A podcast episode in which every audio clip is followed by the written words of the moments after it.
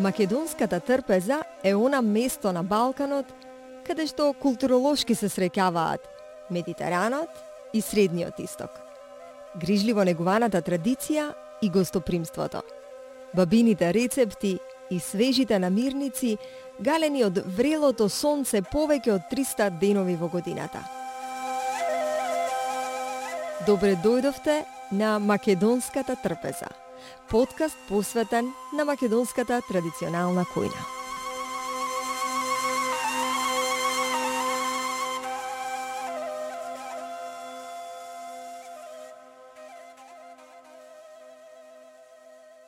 Скоро и да нема традиционално јадење во кујната на македонците, што не го содржи овој тип зеленчук. Всушност, тоа е првата состојка со која започнува секој рецепт за македонската кулинарска приказна наречена манџа. Впрочем, голем дел од гурманската магија доаѓа токму од оваа состојка – кромидот и неговиот многу специфичен вкус.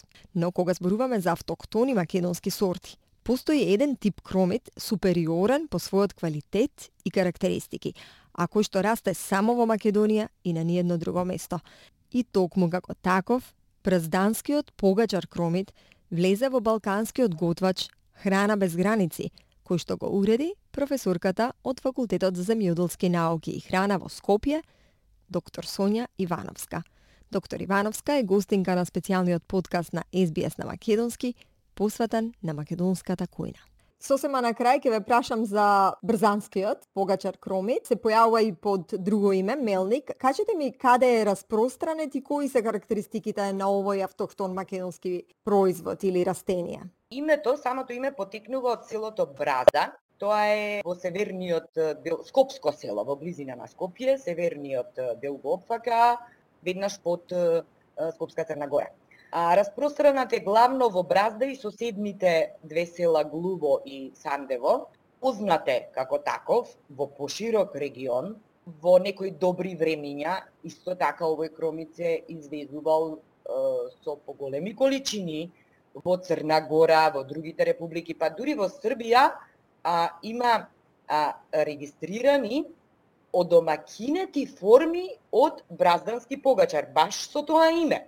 Значи, нели, на времето, уште кога било Југославија, сите тие различни автоктони растенија се дистрибуирале низ, низ целата територија. Имало македонци што се движеле, што се селеле таму. И бидејќи бил препознаен како добар и квалитетен, таа сорта се задржала. Локалното население си ја си продолжило да си ја одгледува и денес е регистрирана како одомакинета сорта. Е сега овој промит а, има а, малку така посплесната главица и затоа уствари наречен погачар, нели пошто наликува како погачар, да како пита. Овој кромит е карактеристичен по тоа што а, има поголема содржина на сува материја, и затоа е добар за готвење. Кога ќе сечкате или да испржите за да направите некоја манџа, реално ќе ви остане доста кромит, нема он целиот да спласне од кога ќе го испржите да го снема. Нели, овде ќе ќе ви остане кромит и има малку така полут вкус, значи баш е типичен за за готвење. Бидејќи сега нели овие нови типови на кромиди што се појавија, поготово тој црвениот, розевиот, тие имаат поголема содржина на вода, покрцкави се, посочни, тие се посоодветни за за свежо користење, за салата. Бидејќи ако нив ги испржите, ништо нема да ви остане после пржењето. Овој кромит е, има баш така карактеристичен ирис, што треба да остане, бидејќи вие секогаш кромидот го користите како како зачин. Тој е дел од јадењето, меѓутоа го пред се како зачин за да му даде арома на јадењето. Овој има тична арома и вкус и затоа најмногу се користи за готвење. Крупни а, крупни луковици има и тие а, бидејќи имаат поголема содржина на сува материја, полесно се сушат и полесно можат да останат да ги складираме во текот нели на цела година за да имаме кромит се до следната берба и се расипуваат, бидејќи нели внатре има повеќе сува материја. Главно се користи за готвење, меѓутоа нели луѓе што сакаат поинтензивен кромит, полут кромит може да си го користат нормално и за салата и за други намени бојата на надворешната лушпа му е може да биде од светло до темно бронзена боја. И бидејќи има крупни крупни исплеснати луковици, веднаш може да го препознаете на пазарот, нели, дека тоа е уствари бразданскиот погачар. Тава со свинско месо и браздански погачар кромит беше јадењето што се најде на страниците на балканскиот готвач Храна без граници, а кој што ја представуваат македонската традиционална кујна. За избијас на македонски, на овој рецепт ќе не подсети Баба Маре од Скопје. Јас сум Баба Марија, потекнувам од Мариовскиот крај на Македонија.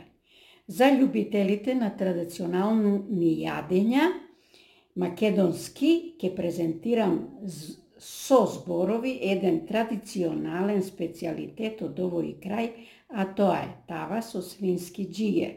За тоа е потребно комплет свински джигер со црн, бел, джигер, срце и сплина, 600 грама свинско месо во кое преовладува сланина, 3 големи главици кромит, 6 до 7 суви црвени пиперки по желба може да има и љути, сол по потреба и црна пипер. Постапката за правење на оваа јадење е следната. Најнапред се става во тава месото исечкано на помали коцкици со сол. Се пржи додека се додека пушти маст. Потоа се додава исечканиот бел джигер, срцето и сплината. Заедно се пржат половина час. Се додава кромидот исто исечкан со сувите пиперки. Пржењето продолжува се додека сите артикли заруменат. При крајот се додава исечкан црниот джигер и се пржи 20 на минути. Се додава бибер по желба.